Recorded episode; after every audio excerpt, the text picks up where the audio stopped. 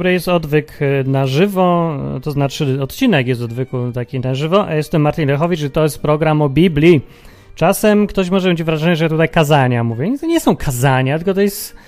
Mówię, co tam Biblia mówi i już. Ja się tak przyczepiłem do tej książki jak policjant do fotoradaru i no i opowiadam. Bo... A dlaczego, to możecie sobie... A właśnie, nie, nie, wiem, kiedy indziej wam powiem dlaczego. Zresztą już mówiłem tyle razy. No trzeba wiedzieć, co jest w Biblii napisane. Choćby po to, żeby się z tym jak, jakoś z sensem nie zgadzać. O, na przykład dlatego. Dobrze, dzisiaj jest fajny odcinek, bo tytuł mi się dobry wymyślił. Zawsze jak jest dobry tytuł, to jest fajny odcinek. Grzech Sodomski będzie. Grzech Sodomski, tak się nazywa odcinek. I ja tutaj zapowiedź taką małą, taki disclaimer. Jak to jest po polsku disclaimer? Może ktoś na czacie napisze, bo tutaj ludzie, ja tu na żywo ten odcinek płodzę i płodząc go na... Widzicie, grzech sodomski też od razu się odpowiednie słowa nasuwałem. Płodząc go na żywo, yy, posilam się, no, to, to się nie kojarzy, posilam się pomocą tych tutaj ludzi, nierzadko mężczyzn. Yy, Maciek Kozmo tutaj krzyczy, widzę na czacie, odwyk to sekta. No i dobrze, niech sobie krzyczy. To jest zachęcające dla wszystkich, którzy też mają ochotę pokrzyczeć coś w telewizji na żywo programie. Wiecie, bo jak się są jacyś redaktorzy i kręcą na żywo, to zawsze za nimi stoją takie dzieciaki i robią taką, taką, te rogi takie z tyłu robią, albo jakieś głupie miny, albo, albo zbereźne miny. To też pasuje do grzech sodomski. Będzie i gomorski przy okazji też. Dobra, jest ten disclaimer, który nie wiem jak się tłumaczy będzie taki, że ja tu robię te odcinki co tydzień, ale pamiętajcie, że to nie jest tak, że ja mam co tydzień dobry nastrój i akurat dostaję natchnienia, żeby wiedzieć o czym mówić co tydzień i mam świetnie przygotowany, jestem... Nie, no nie da się, że dzisiaj mam taki gorszy dzień jakiś, a nawet nie wiem jak to opisać, chyba ta pogoda, bo pogoda tak wygląda jak tutaj widać za mną. To jest prawdziwa pogoda, prawdziwa pogoda z prawdziwego okna za mną. To nie, że ja tutaj jakieś tam czary-mary w telewizji robię. Znaczy, co prawda ten ptak, co tutaj przeleciał, to będzie przelatywał co minutę równo, ale poza tym to jest prawdziwe okno i prawdziwe niebo i w ogóle wszystko jest prawdziwe częściowo. Dobrze. Grzech Aha, bo nie skończyłem dygresji, więc tego disclaimera. Disclaimer mówi, że dziś będzie jakiś słabszy dzień i odcinek może być lekko chaotyczny, bo to jest jeden z tych dni co tydzień, co nie udało się trafić w idealną formę. No, Małyż znowu dzisiaj nie zdobędzie pierwszego miejsca. I Martin znowu nie pojedzie dzisiaj tak pięknie, jak powinien, z takim natchnieniem w głosie, jak ojciec Natanek wam nie powie, wy sodomczycy, uprawiający grzechy sodomskie. Ale właśnie tak od tego powinienem zacząć. Wy jesteście sodomczycy, nie wiem ilu z was, ale większość jest, tak? I uprawiacie grzech sodomski, nawet o tym nie wiecie, i po to jest, ten program, żebyście wiedzieli, co to w ogóle jest. Zaczynamy.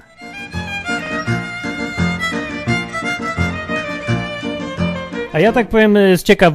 nie z ciekawości, tylko dla w ogóle bez sensu i bez żadnego powodu pokażę, dostałem taki prezent. To jest prezent, który de Paris. Jest, to jest taka czekoladka. Ja nie zjadłem specjalnie, żeby pokazać wam. De Paris czekoladkę. Na niej jest rysunek. I bonjour, bonjour pisze. Co to ma wspólnego z odcinkiem? Kompletnie nic nie wiem, po co ja to mówię, ale zawsze jest 30 sekund dłużej. Nie właśnie chodzi o to, żeby było krócej. Nie źle robię. Zacznijmy, zacznijmy. tak. Y, zacznę od tego, że no właśnie muszę teraz zacząć od końca, bo od początku jakbym zaczął, to już bym za dużo zdradził. Grzech Sodomy, większość ludzi oraz pan Cejrowski, to znaczy nie, ludzie i pan Cejrowski mówią, że polega na tym, że się dużo rusza znaczy rucha, przepraszam, rucha się, yy, ruchliwie jest, nie? Że polega na ruchliwości. Grzech sodomski to jest taka ruchliwość ogólna, yy, prawda, jednobiegunowa. O, plus do plusa, minus do minusa. A powinno być odwrotnie, no bo to się plus z minusem przyciągają, a nie plus z plusem. To jest, jak plus plusem się przyciąga, to jest zboczenie w ogóle. Kuba RWN na czacie zamówi, że ja tam lubię sodomić. O ty, świnio. A nawet nie wiesz, co to znaczy jeszcze. Ja ci zaraz powiem. I teraz, Biblia, wbrew pozorom, nie, inaczej, ludzie uważają, że grzech sodomski to jest ruchliwość, ponieważ yy, historia biblijna to sugeruje w opisie. Sugeruję to, bo, bo taki najbardziej e, opis wydarzeń, które jest w Sodomie, jest w sumie tylko taki, jeden taki opis, taki bardziej detaliczny, co się tam stało pewnego ranka i wieczorka. Więc y, stało się tak, że tam był, mieszkał sobie tam niejaki lot i przyszli dwaj faceci, e, się okazało, że to aniołowie przy okazji i on ich ugościł. Prawo gościny było bardzo ważnym prawem, ogólnie międzynarodowym takim. I yy, a, by, bywalcy tam, bywalcy knajp lokalni, sodomscy, przyszli sobie pobaraszkować z dwoma nowymi panami. No, to znaczy ruchliwie byli w tego wieczora i tak dalej, nie? No i teraz y, ludzie stwierdzili na podstawie tej historii, uogólnili to i powiedzieli, że grzechem sodomskim była ruchliwość. Otóż nie! Się okazuje. I Biblia mówi tym wprost. Co było grzechem so sodomskim? Fajnie to wiedzieć, bo to może nas dotyczyć.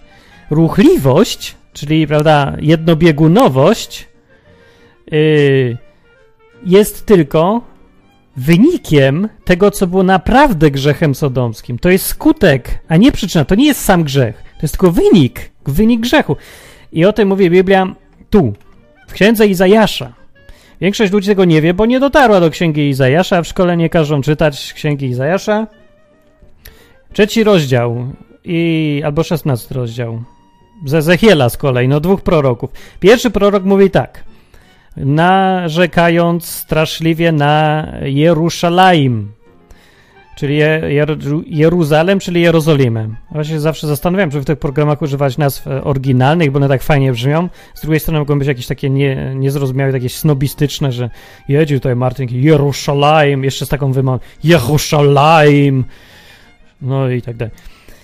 E, albo Jehuda i Jerusalem, że... Dobra, nieważne. Ja chcę powiedzieć, że prorok powiedział, że Jeruzalem, czym Jerusalem się chwieje, a Jehuda upada, gdyż ich język i uczynki są przeciwko Panu, aby urągać pełnym chwały Jego oczom. Bardzo dziwnie sformułowane, ale wi wiadomo co chodzi. I dalej zdaje mówi tak, zuchwałe ich oblicze, takie e, e. Jak nie wiecie, co to jest zuchwałe oblicze, to przejdźcie się na mecz e, Legia Arka, Legia Warszawa Arka Gdynia i zobaczycie całą plejadę zuchwałych oblicz. To są właśnie zuchwałe oblicza.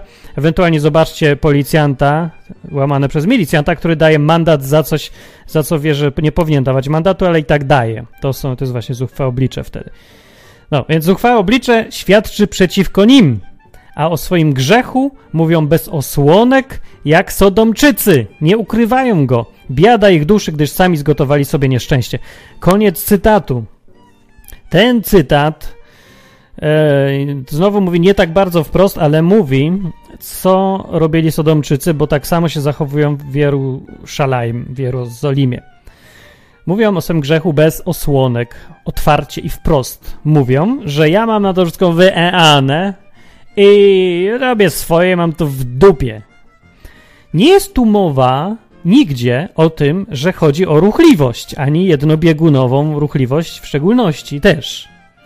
No, no nie, nie ma tutaj nic o tym. Jest, ogólnie jest mowa o zuchwałym obliczu, to jest zarzut, że język i uczynki są przeciwko Panu, żeby mu urągać, żeby się stawiać, stawiają się po prostu. Tak jak Sodomczycy stawiają się i mówią o tym wszystkim otwarcie. Nie mają żadnego wstydu, mówią, ja robię co chcę. I mam wyeane na tego Boga i wszystko. No, to może o to chodzi. Ale nie musimy się domyślać, bo w Ezechiela, w Ezechielu w proroku tym jest napisane tak. Oto winą Sodomy, twojej siostry, znowu, a przepraszam, tutaj kontekst powinien powiedzieć, znowu się zwraca prorok do tych samych ludzi, do Jerozolimy, do mieszkańców tego miasta i kraju i w ogóle. I mówi tak. Oto winą Sodomy, twojej siostry, to już jest obraźliwe, było to, wzbiła się w pychę, Miała dostatek chleba i beztroski spokój wraz ze swoimi córkami, lecz nie wspomagała ubogiego i biednego. Były wyniosłe i popełniały obrzydliwości przed obliczem moim. Dlatego usunąłem je, jak widziałaś. Usunąłem je. I to jest napisane wprost. Winą Sodomy było to. Wzbiła się w pychę.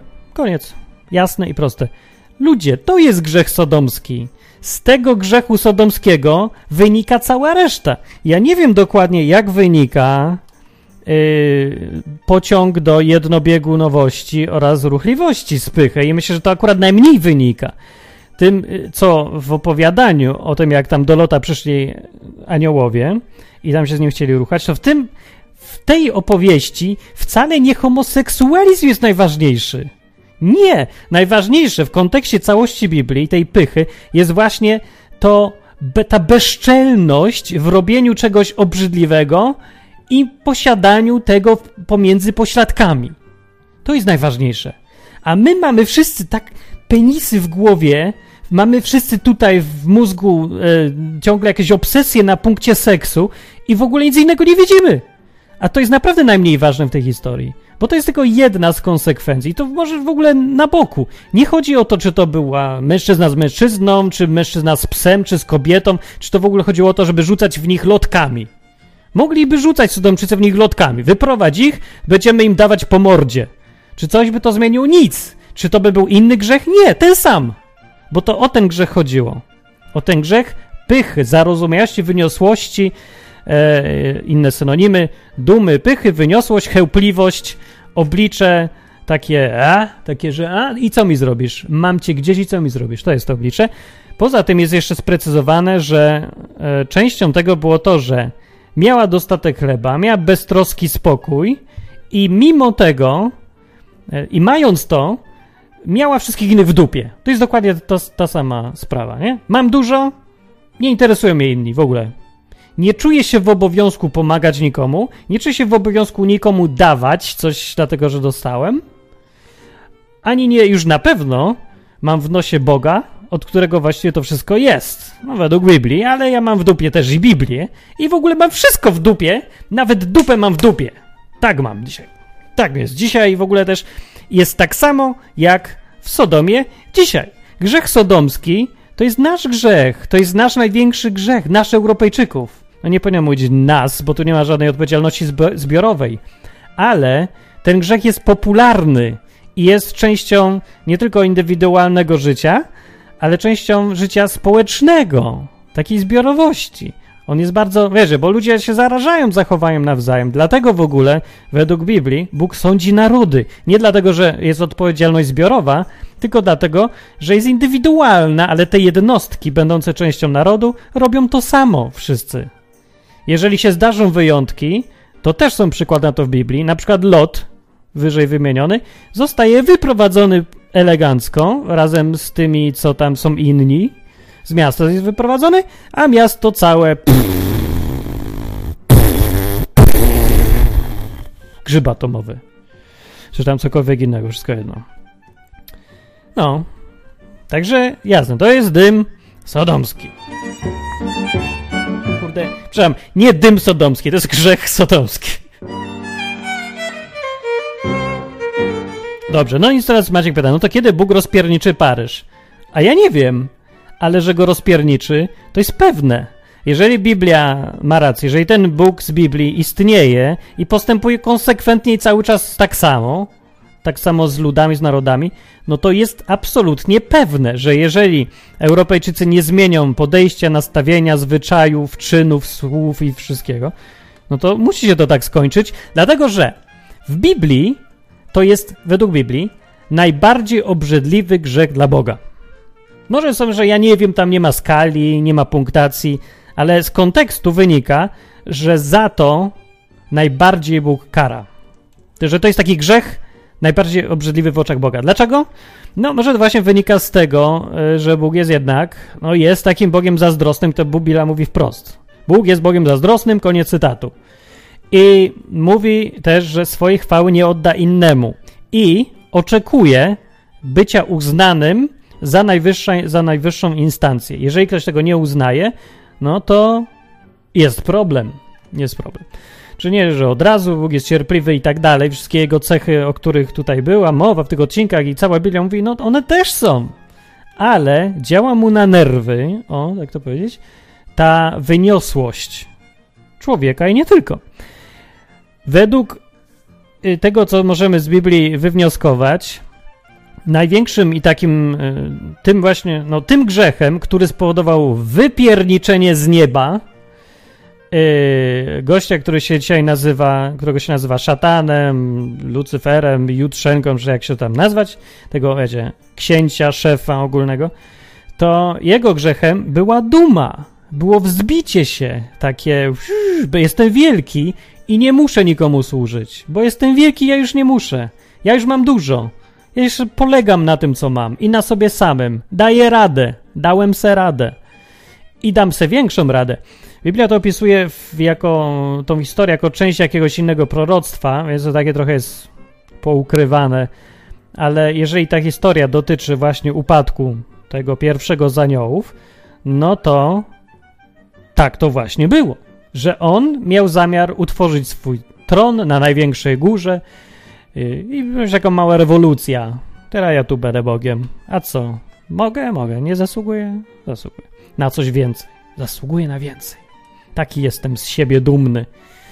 No i tak było. Dobrze, więc yy, Biblia jest pełna odniesień do wyniosłości i dumy i zawsze to jest traktowane jako zarzut. Zawsze. Nie znalazłem żadnego przypadku, kiedy wyniosłość albo yy, pyszne, dumne zachowanie było kiedykolwiek usprawiedliwione albo na miejscu.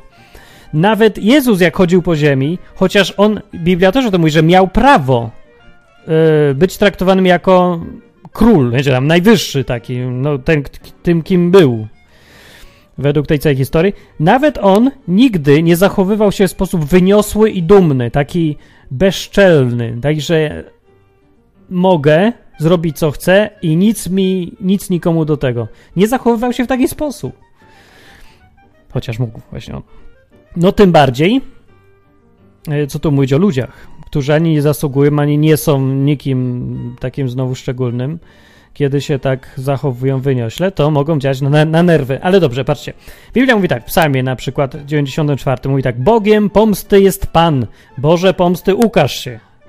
Ukaż się. To jakby gadanie jakiegoś ducha, nie? Powstań sędzio ziemi, oddaj pysznym to, na co zasługują. Co właściwie jest jasne, to stawia sprawę jako oczywistą. Pyszny zasługuje tylko na jedno. Na to, żeby ktoś go zmusił do tego, żeby przestał być pysznym. No, a teraz będzie dwusekundowa przerwa, bo chyba muszę kichnąć. Niestety, nie, nie kichnę. Wróciło się i ja strasznie nie lubię, jak mi się wraca, kiedy mam ochotę kichnąć, a tu nic. Dobrze. Pierwszy Koryntian w Nowym Testamencie mówi tak. Niektórzy z was to mówi Paweł, apostoł, mówi do członków kościoła. Mówi tak. Niektórzy z was wzbili się w pychę, myśląc, że nie przyjdę do was. Ja jednak przyjdę do was wkrótce, jeśli pan zechce, i zapoznam się nie ze słowem pysznych, lecz ich mocą. Mocą. Albowiem Królestwo Boże zasadza się nie na słowie, lecz na mocy. Koniec cytatu z pierwszego listu do Koryntian i instalacja na czacie pyta, czy to jest na żywo. Tak, to jest na żywo i to jest właśnie dowód, bo on zapytał, czy jest na żywo. Jest, on wie, że jest na żywo. Tak, a czy to ci, co oglądają mnie na żywo, to już potem to już nie na żywo. Ale nieważne, ja wam powiem o co chodzi z tym e, zasadzaniu się na słowie lecz na mocy. W ogóle jedną z najbardziej widocznych e, znaków, jednym z najbardziej widocznych znaków rozpoznawczych e, tej pychy i dumy jest rozdźwięk pomiędzy tym, co ktoś mówi, a tym, co może. Czyli pomiędzy słowem a mocą. Przykładowo, jak przychodzi tutaj ktoś i mówi tak, że ja to bym ten odek prowadził super, a nawet jakbym nie prowadził, to ja wiem, co możesz zrobić lepiej. Więc Martin, robisz źle to i tamto, i tutaj napraw, a tutaj ja ci pomogę. Nie, pomóc ja ci nie pomogę, ale to ty pomóż, bo to twój program. I zaczyna ci opowiadać. Więc to ja postępuję zgodnie z tym wersetem, więc zapoznaję się nie z jego słowem, tylko z jego mocą. A przekładając to na praktykę, pytam się go, ile prowadził takich programów, ile godzin już to nagrywał i jakie były efekty jego nagrywania i, i ten. No bo to jest ta moc, to jest to, co zrobiłeś. I więc to, co ktoś gada, to mnie naprawdę nie interesuje, tak jak nie interesowała apostoła Pawła. Interesuje mnie praktyka, czyli moc, to, co możesz zrobić, to, co zrobiłeś. To mi pokaż. I to jest część tej pychy. Jeżeli ktoś z was się przyłapie na tym, że dużo gada, a na poparcie tego nie ma za dużo mocy, to powinien sam siebie ostrzec, albo dać sobie wpysk, albo kopnąć sam siebie w tyłek, i, bo to jest niebezpieczne. Z punktu widzenia Biblii, jeżeli Bóg istnieje, to wchodzisz na obszar, który jest zaznaczony na mapie na czerwono z napisem nie wchodź tutaj rany boskie, wykrzyknik. E, bo to jest najgorsze właściwie, co można, e, najgorsza postawa, z jaką można wobec Boga w ogóle być. Czyli takiej, tego, tej wyniosłości i pychy. I można ją spróbować rozpoznawać, bo trudno ją rozpoznać, ale można spróbować po tej rozdźwięku między tym, co mówisz, a tym, jaka jest twoja moc. No, ale co innego. Jakubie, w liście Jakuba jest takie proste sformułowanie, prosta rada. Bóg mówi, nie, pismo mówi, dwukropek. Bóg się pysznym przeciwstawia, a pokornym daje łaskę. Pokornym okazuje łaskę, pysznym się przeciwstawia. To jest ogólna zasada dotycząca stosunku Boga do ludzi i nie tylko ludzi, bo wymieniłem przykład jednego anioła, co to, ta sama zasada, zasada działała. E, I to może być odpowiedź dla wielu ludzi, dlaczego Bóg mnie nie słucha, dlaczego mi nie odpowiada, dlaczego niebo nade mną jest mosiężne, stalowe, żelbetonowe, dlaczego nic nie dochodzi, dlaczego nic nie przychodzi. No może dlatego, może być odpowiedź, nie mówię, że musi, ale jedną z odpowiedzi może być, sprawdź, czy to nie o to chodzi, że Bóg się pysznym przeciwstawia, a pokornym daje łaskę. W przypowieściach Salomona jest z kolei tak napisane: Tych sześć rzeczy nienawidzi Pan, a tych siedem jest dla niego obrzydliwością. Butne oczy. Pierwsze wymienione, to właśnie wyniosłe, butne oczy, takie. Ee, nie, nie umiem takim zrobić, bo moje się śmieją, jak robię takie, ale takie butne, takie. E, albo moje są czasem złe, albo się śmieją. Mam trudność, żeby zrobić. Czekaj, butne to jest takie. Nie, może mogę, czekaj. Nie, muszę sobie uświadomić, jaki ja wielki jestem i ile wielkich rzeczy dokonałem w życiu. No kurde, nie mogę, śmieję się. Dobra, nieważne. Nie pokażę wam, ale możecie sobie znaleźć kogoś. O, nie, pójście sobie telewizję, jakieś polityka. Oni mają prawie wszyscy butne oczy. Właśnie to taka, takie, że moje ego wyłazi na wierzch i przez oczy mi wyłazi. To jest naprawdę obrzydliwe. Poza tym no wiecie, dla innych to jest obrzydliwe, dla nich to jest śmieszne. Dla mnie jest śmieszne, bo jak mówię, porównuję ich słowa z ich mocą i przeważnie już po samym tym widać śmieszność, że oni się uważają za Bóg wie kogo, a ich moc jest.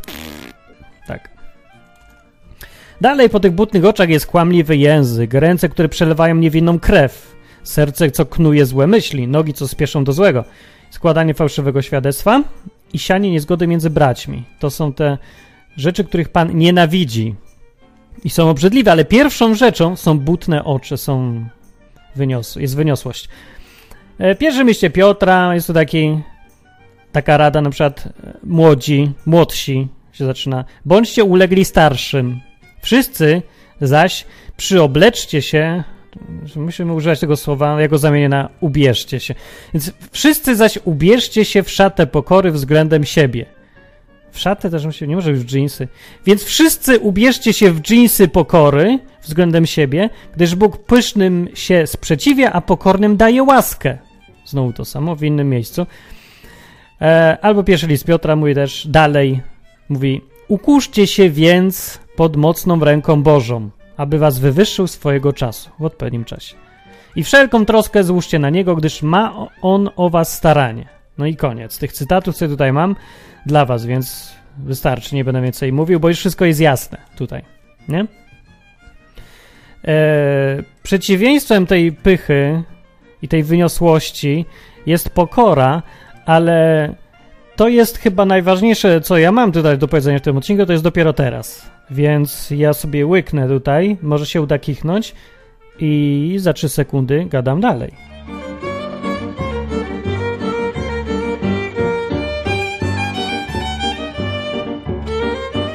Specjalnie powiedziałem 3 sekundy, żeby teraz wszyscy mówili, a to nie były 3 sekundy, tylko 7 sekund. E, ale widzę, że nikt nie powiedział na czacie. A udało wam się, wybroniliście się. Dobra. Co ty pijesz? Pyta Grabix. To jest niebieskie. O, rzeczywiście, to jest niebieskie. Ale tylko w kamerze. Wiecie, tak to się prowadzi te programy odwyk. Ja tu gadam. Pycha, duma, pokora, Bóg zniszczy Paryż. Co to jest grzech sodomski? I jakie dostaję pytanie? Od słuchacza? Co ty pijesz i dlaczego to jest niebieskie? No przecież załamać się z wami, ludzie. A i tak was lubię. Dobra, nieważne. E, grzech sodomski jest wytłumaczony. Dlaczego jest zły ten grzech, straszny i w ogóle, to chyba wyjaśniłem, nie? Nie wiem, czy wyjaśniłem. Zresztą nie chodzi o to, żeby wyjaśniać. Ja mówię, co Biblia mówi, a nie dlaczego tak mówi.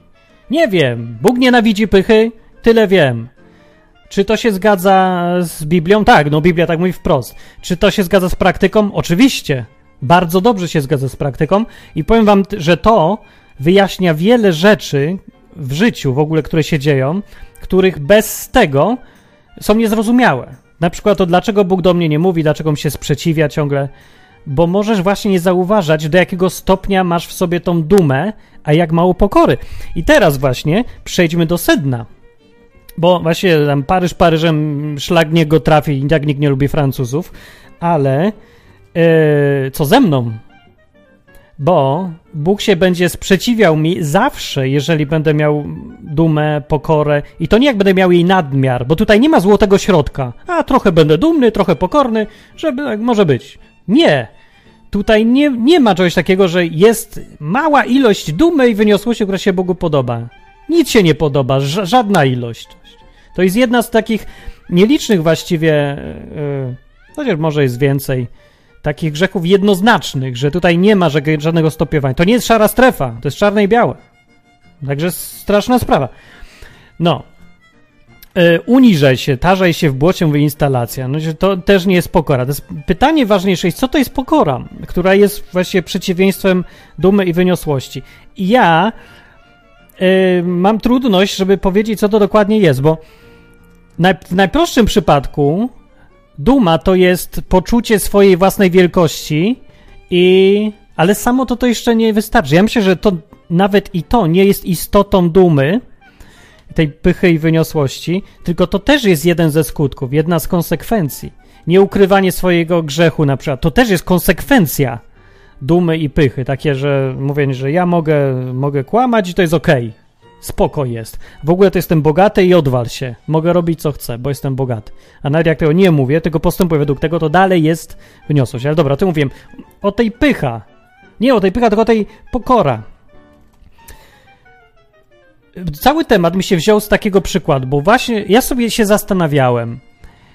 Weźcie sobie taką sytuację pod uwagę. Wielu z Was się może wyobrazi łatwo tą sytuację. Kiedy ktoś każe ci zrobić coś dziwnego, śmiesznego na przykład, albo nie, najprościej. Czy lubisz gadać do mikrofonu? Znaczy, gadać to może lubisz, ale czy lubisz yy, gadać do mikrofonu tak, żeby się to nagrało i żeby inni tego słuchali? Lubisz czy nie? Większość ludzi powie nie. I teraz pytanie, dlaczego? I każdy sobie tutaj myśli, że dlatego, bo jestem nieśmiały, albo że mam brzydki głos, albo coś, ale to jest bzdury, że mam brzydki głos, bo Yy, mam ten sam głos, który mam i tak, więc co, mówić się nie boisz, ale nagrania słuchać się boisz? O co chodzi? A nawet jeżeli masz brzydki głos, no to co z tego właściwie? Bo zastanówmy się tak, się zastanawiałem racjonalnie. Dlaczego racjonalnie myśląc, ludzie mają opór przed yy, byciem w takiej sytuacji, właśnie na przykład jak mówię do mikrofonu, albo stanie na środku yy, i przemawianie do ludzi, Dlaczego? Mają z tym problem. Dlaczego czujemy taki opór? Znaczy, ci, co poczują, to czują, a więc większość. Dlaczego? Bo jestem nieśmiały? Co to znaczy, że jestem nieśmiały? Może, ale dlaczego miałbyś być nieśmiały? Dlaczego jesteś nieśmiały? Właśnie, to jest pytanie. Dlaczego? No bo racjonalnie, jak już zacząłem mówić, nic nie tracisz z tego, że nagrasz się na taśmę i ktoś tego posłucha i się pośmieje. Albo stwierdzi, o, brzydki głos i se pójdzie. Co straciłeś? Straciłeś majątek? Nie. Straciłeś jakieś możliwości w życiu? Że ktoś o tobie coś pomyśli? Może. O, to już bardziej, nie? Ktoś o mnie coś pomyśli. To, to chyba o to chodzi. Ale tak naprawdę, w większości przypadków i tak wiedząc, że nikt o mnie nic nie pomyśli, bo, bo i tak mnie lubi ten gość, albo mnie nie lubi, albo mam go w nosie, co on sobie pomyśli, i tak mamy ten opór przed nagraniem siebie. Więc co my mamy takiego do stracenia? Dlaczego jesteśmy nieśmiali? Boimy się mówić przed ludźmi. I odpowiedź, jaka jest, jest taka, że boisz się stracić swoją dumę, własną dumę, swoje poczucie wielkości. I to jest wbrew intuicji, co ja teraz mówię, bo nam się wydaje, że to jest bzdury, Martin, opowiadasz, bo nieśmiały człowiek uważa, że nie ma żadnej wartości. Dlatego jest nieśmiały, dlatego się boi mówić. A ja mówię, nieprawda, kupa prawda. Wcale nie. Nieśmiały człowiek boi się, że coś straci, dlatego nie mówi. Kiedy człowiek nie ma złudzeń wobec siebie, kiedy człowiek wie, że nie ma żadnej wartości, to nie ma żadnego problemu z tym, żeby wyjść na środek i gadać. Nie widzieliście takich sytuacji, jak lumpy se chodzą przez ulicę? No, przypomnijcie sobie, idzie se lump, pijak. Czy on się przejmuje, jak wygląda? Nie. Czy żebrak ma problem, żeby stanąć przed tłumem i powiedzieć, że a, co łaska na, na wineczko czy coś? Nie, chyba że się boi, że na, naprawdę ktoś mu coś zrobi, że coś straci, że go pobiją, że go wyrzucą, to tak, ale czy boi się, bo jest nieśmiały? Czy w ogóle jest nieśmiały, czy bezdomny jest nieśmiały w takim sensie jak, jak my? No nie, dlaczego? Bo widocznie on nie ma czegoś, o co walczy, e, tego, co mają ci zwykli ludzie, którzy są nieśmiali. Nie ma już tej dumy swojej, nie ma żadnej dumy, stracił. To nie musi się przejmować. I ten człowiek jest wolny bardziej niż ty, który się boisz przemawiać przed ludźmi. Bo ty czujesz od razu zagrożenie, jak stoisz przed ludźmi. Przypomnij sobie taką sytuację, że jak musiałeś stać, czujesz, że wszyscy na ciebie patrzą. Nie? Od razu. Dlaczego tak myślisz? No może sobie patrzą, ale są i takie osoby, i to dziewczyny głównie, bo to one są najbardziej próżne jednak, one się y, idą sobie przez tłum i nie, że wszyscy na nich patrzą, ale one cały czas myślą, że wszyscy na mnie patrzą. Po co się dziewczyny malują do cholery? Kogo to obchodzi, czy tam jakaś dziewczyna idzie? Ale się maluje. Dlaczego? Bo coś straci, bo się boi utracić dumę e, własną taką. To jest brak pokory, to nie jest nieśmiałość. Jeżeli masz problem, żeby stanąć na środku i mówić do ludzi z tego powodu, że, że a, nie wiem, co oni o mnie pomyślą, czy coś, to jesteś próżny, a nie nieśmiały. Wiem, że to się łatwo pomylić jedno z drugim, ale nieśmiałość też wynika z próżności, bo z czego by innego? No ja byłem bardzo nieśmiały, to wiem, to myślę, że wiem o czym mówię jednak, byłem strasznie nieśmiały i sobie dzisiaj myślę, wtedy myślałem, że po prostu jestem nieśmiały już, ale nie, nie tak jest. Jak sobie dzisiaj patrzę wstecz na to, bo dzisiaj nie mam problemu, żeby stanąć i gadać. Wisi mi to, jak jestem ubrany, czasem zapomnę nawet. Straciłem to, już mi to wali, naprawdę. Nie mam złudzeń wobec siebie, ale wtedy miałem. Wtedy właśnie uważałem, że jestem kimś, że stracę swoją wielkość, że mnie sprowadzą do poziomu zbyt niskiego, że zrobię coś złego i wszyscy będą widzieć i to będzie jasne, że jestem mniejszy niż jestem. Boję się spaść, upaść, być pomniejszonym. Więc jeżeli się boję być pomniejszonym, to znaczy, że uważam się tak naprawdę za większego. Człowiek, który jest na poziomie zero, no właśnie jakiś lump, pijak czy ktoś, on się tego nie boi, bo jest na poziomie zero. No to co może stracić? Nic. On już może wszystko. Jest e, w różnych filmach, przykład w filmie Fight Club jest, są takie e, spostrzeżenia, że tylko wtedy, kiedy wszystko stracisz, to możesz zrobić wszystko. No tak, właśnie to tak działa i to się sprawdza rzeczywiście w życiu. Ale to, co chodzi, chodzi nie o to, żebyś stracił majątek, chodzi o to, żebyś stracił dumę.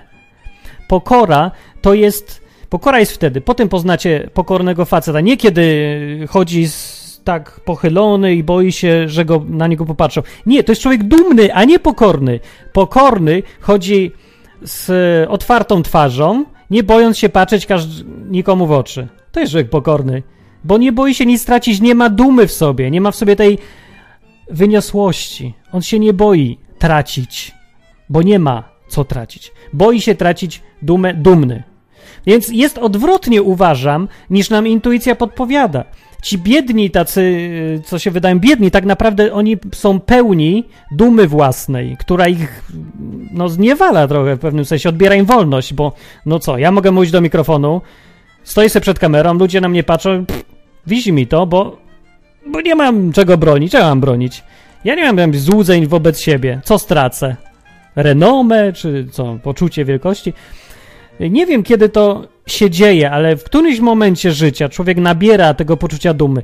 Patrzcie, dzieci nie mają tego problemu. Dzieci sobie, wiecie, są takie dzieci na ulicy, małe, co się tam rozbierają na ulicy i chodzą sobie z gołą dupą i w ogóle im to wisi. W ogrodzie Eden Adam i Ewa też sobie chodzili goli i też im to wisiało. W ogóle nie patrzyli na to w ten sposób, ale jak zrobili coś złego, jak Ewa skuszona przez tego, może to nie była Ewa, kobieta skuszona przez jakiegoś tam węża, obietnicą wielkości, przeczytajcie sobie uważnie początek Biblii, tam była obietnica, że staniecie się jak Bóg, będziecie wielcy.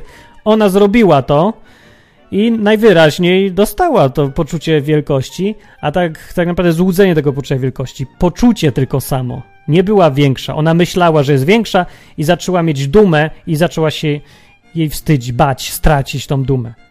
Że zobaczą jej gołą dupę, więc zaczęła się czuć goła, więc chciała się zakryć. I to jest właśnie ta duma, której się ludzie powinni pozbyć. To jest duma.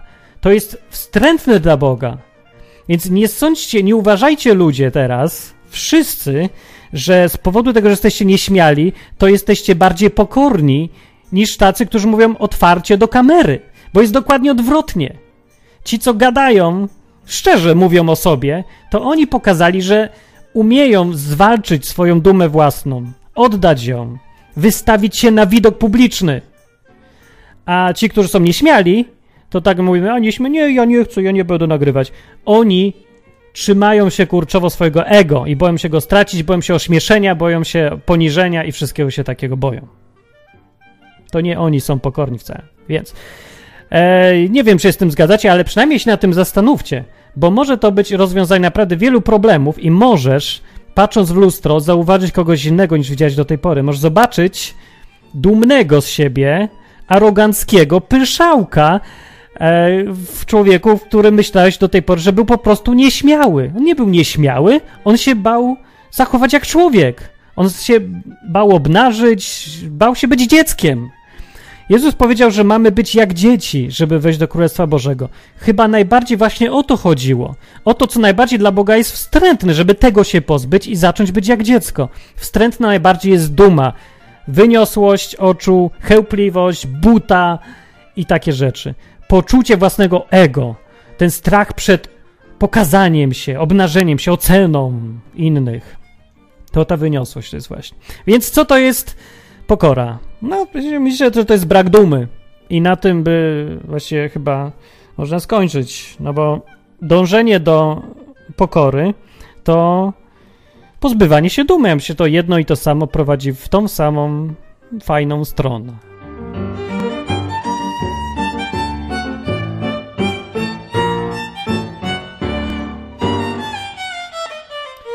Fajnie by to by jakoś zakończyć. Jeszcze sobie zastanawiam, co by wam powiedzieć odnośnie tego, hmm, jak być pokornym, ale to jest jakieś dziwne. Właśnie ten odcinek jest bardziej, nie wiem, zastanawiam się, czy pokora to jest po prostu przeciwieństwo tej pychy i tej dumy, czy nie jest.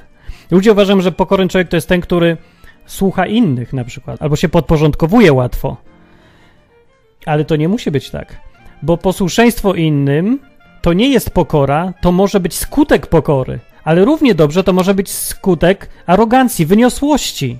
Może być. Możesz słuchać kogoś tylko dlatego, bo jesteś arogancki i nie słuchasz nikogo innego. Słuchasz tylko jednego, bzdurałeś sobie, że e, papież Janusz Korwin-Mikke, twój, twój nauczyciel, albo autorytet, albo autor książek, wszystko jedno kto, że tylko on ma rację, a ty, podpinając się pod niego, jesteś tak samo wielki jak on.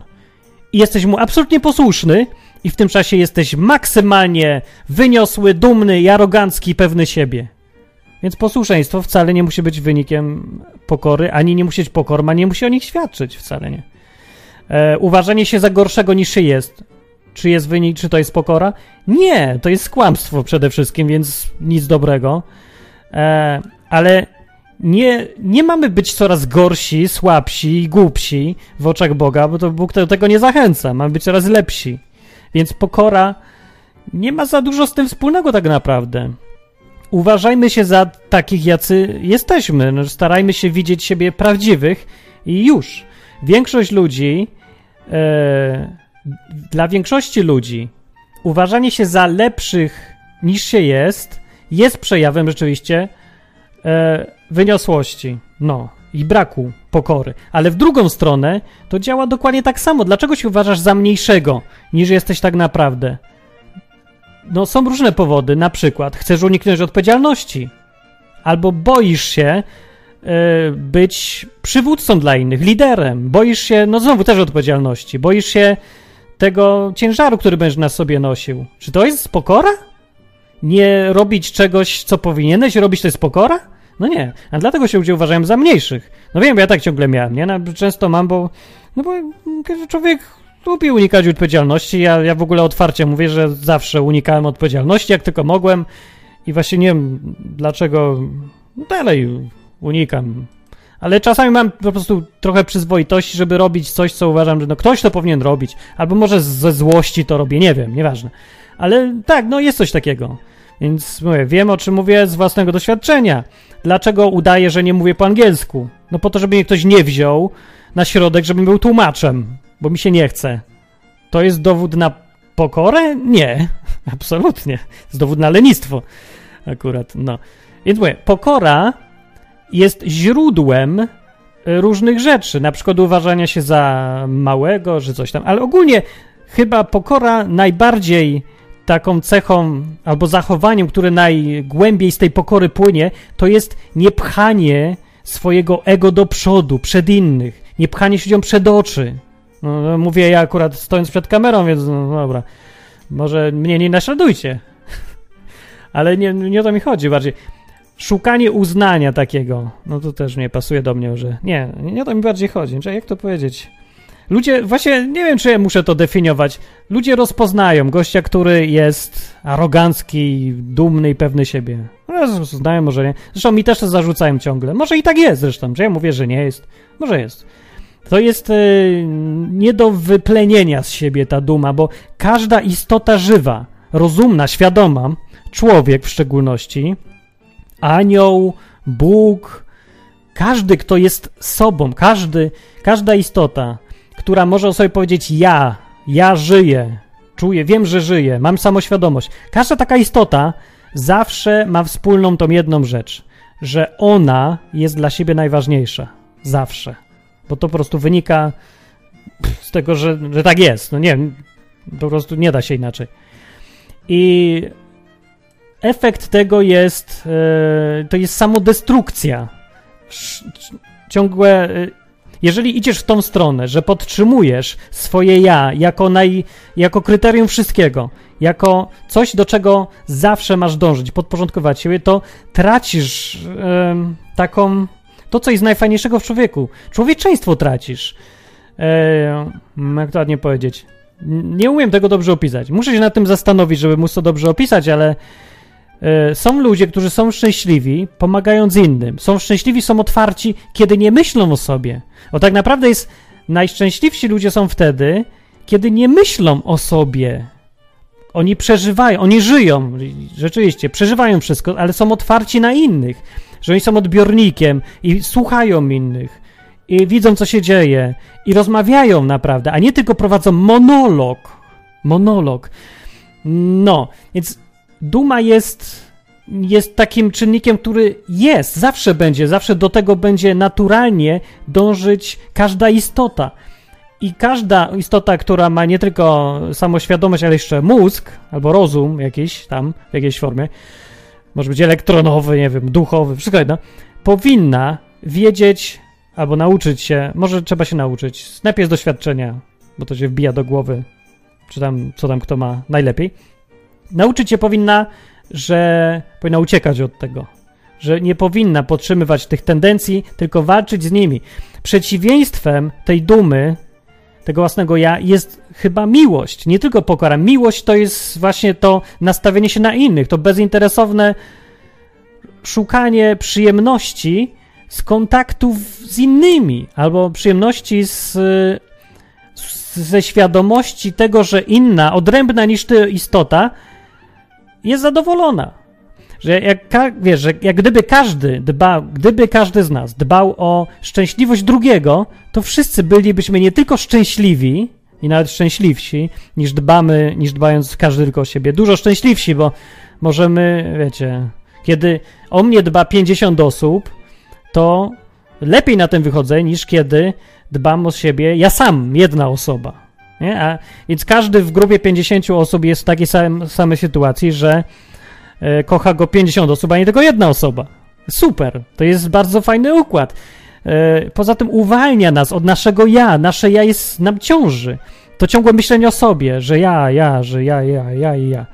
Ludzie, którzy ciągle myślą o, o sobie, e, no nie, nie są wolni. I widać zresztą po nich. Spotykacie takich ludzi, zresztą są między nami na czacie, na tym odwyku też. Widać, że ktoś za dużo myśli o sobie, nie? Za dużo gada o sobie, za dużo się przejmuje sobą. No, to jest duma. To jest ta inny rodzaj trochę dumy, niż my sobie wyobrażamy. To nie jest ta uważanie się za wielkiego, nie, ale to jest twoje ja wciąż, które ci przesłania cały świat. Przestań się gapić na siebie. Duma to jest gapienie się na siebie zamiast na świat dookoła ciebie. Przestań się gapić na siebie, bo to też jest rodzaj dumy. Nie tylko podbijanie świata jest dumą, pychą, obrzydliwością w oczach Boga. Gapienie się na siebie jest obrzydliwością w oczach Boga też. I to może nawet to jest ta najbardziej fundamentalna, zła rzecz, która tkwi w istotach żywych. Nie dlatego jest zła, bo Bóg se tak wymyślił i dlatego, że on, on jest, nie wiem, zazdrosny czy coś. Nie, dlatego, że ona E, jest autodestrukcyjna. Ona niszczy tego, kto e, się na siebie ciągle gapi. To jest taka, wiecie, pułapka rzeczywistości. Nie wiem, jak to powiedzieć, no ale tak to jakoś wygląda. No, więc e, tyle chyba odcinka. Nie wiem, trochę może dygresję porobiłem, ale najwięcej utrzymałem się w temacie dumy i pokory. A pokora to jest tak, nie pchanie się z. O, to jest właśnie nie gapienie się na siebie, nie szukanie tego ja, ja, ja, tylko patrzenie na innych. I to wystarczy. Nie wiem, czy to jest najlepsza definicja i najlepszy sposób, ale tyle jestem pewny, że jeżeli będziesz się kierować taką zasadą, że nie gadasz o sobie tyle, nie patrzysz na siebie, tylko patrzysz na innych, patrz na innych, słuchaj ich i jeżeli dasz radę to zrobić, to będziesz w bardzo dobrej sytuacji i pozbędziesz się bardzo dużej części tej swojej dumy i pychy i wyniosłości i Bóg będzie patrzył na ciebie z dużo większym uśmiechem niż do tej pory i nie będzie się miał czemu sprzeciwiać, bo nie ma żadnego zakazu w Biblii dotyczącego bycia dobrym dla innych, szukania in, dobra innych, kochania innych i w ogóle skierowania się na innych zamiast na siebie samego wiecznie. Z tym trzeba walczyć, czego wszystkim życzę. Ogólnie a o grzechu sodomskim pamiętacie? Pamiętajcie o grzechu sodomskim, że to jest właśnie grzech sodomski, gapienie się na siebie, wyniosłość, duma, uważanie się za, że swoje ja, moje ja jest tak wielkie, że nie muszę patrzeć na nikogo więcej. Moje, ja, super, ja. No. Dobrze, koniec odcinka. Dobranoc, mówi Martin Lechowicz. Pa! A, piszcie komentarze na stronie www.odwyk.com. A, i jeszcze muszę powiedzieć, olbrzymie, takie wielkie, wielkie i wyniosłe dzięki dla wszystkich sponsorów, e, zwłaszcza czerwcowych i, i majowych też zresztą, bo zawsze w wakacje jest taki, taka cisza, trochę sezon, coś tam i, i ja sobie żyję na oszczędnościach, jakichś takich resztkach, więc e, tym bardziej w czwartek, nie w czwartek, tylko w czerwcu to e, o, te wszystkie co łaski na odwyk w czerwcu, one muszą wystarczyć zwykle na całe wakacje, więc y, tym bardziej super i dzięki wielkie, że chcecie, żeby ten odwyk żył i przeżył wakacje, bo w internecie wakacje to jest właśnie najgorszy moment. Y, więc żeby sobie przeżył i doczekał i wrócił w normalnej formie we wrześniu. A w wakacje będzie odwyk, ale będą, będzie jakiś inny. Zawsze w wakacje, nie wiem czy zawsze, ale staram się wymyślać coś innego, żeby też, żeby miał odpocząć, żeby inni odpoczęli taki koniec, wiecie, sezonu. No, zawsze takie fajne jest. No, więc super, dzięki sponsorzy bardzo, że ja jestem zawsze pod wrażeniem, że uważacie, że odwyk jest na tyle pożyteczną rzeczą, żeby dawać na niego no kupę pieniędzy, no bo wiecie, można wydać na coś innego zawsze przecież, nie? I nic z tym złego nie ma, więc to mnie zawsze e, przypomina mi, żeby robić to, co robię, póki póki ktoś uważa, że to jest fajne. Dobra, dzięki, piszcie komentarze, pomyślcie na tym, co powiedziałem. To jest rzecz związana z Biblią i bardzo związana z życiem osobistym. I dużo ludzi naprawdę może zauważyć sobie coś nieprzyjemnego nagle, ale to dobrze, bo to chodzi o to, żebyśmy się tego pozbywali, bo nikt z nas nie jest wolny od problemu dumy i braku pokory, a w pokorze naprawdę nie ma nic aż tak złego, żeby jej unikać. Tak naprawdę to jest coś, co daje nam wolność, a nie co nas jakoś tak poniża i sprawia, że jesteśmy mali, czujemy się źle, jesteśmy jakimś tam kupą wszechświata. To nie to chodzi w ogóle. To chodzi o wolność, a nie o poniżanie się jakoś nawzajem, dlatego, żeby się umartwiać. Nie, no Bogu chodzi o to, żebyśmy byli szczęśliwi, a pokora pomaga być szczęśliwym. Naprawdę pomaga. To jest dziwne takie i wbrew może intuicji, ale no ja nie wiem, pomyślcie o tych, jakich ludzi znacie dookoła siebie i pomyślcie, czy to ci ludzie, którzy gapią się na siebie i na swoje ja są szczęśliwsi, czy ci, którzy żyją wśród ludzi i robią wśród nich coś i pomagają innym. No popatrzcie na nich, którzy są szczęśliwsi. No u mnie jest zawsze to jest tak samo, że to ci, co pokorniejsi, to są zawsze szczęśliwsi. Ale dobra, każdy ma inne doświadczenia i o tym możemy pogadać na czacie albo na nieszporach odwykowych, które będą na żywo za chwilę dla tych, co oglądają na żywo, a jak nie oglądasz na żywo tego odcinka, to wpadnij kiedyś koło dziewiątej we wtorek na www.odwyk.com albo www.odwyk.tv. Pa!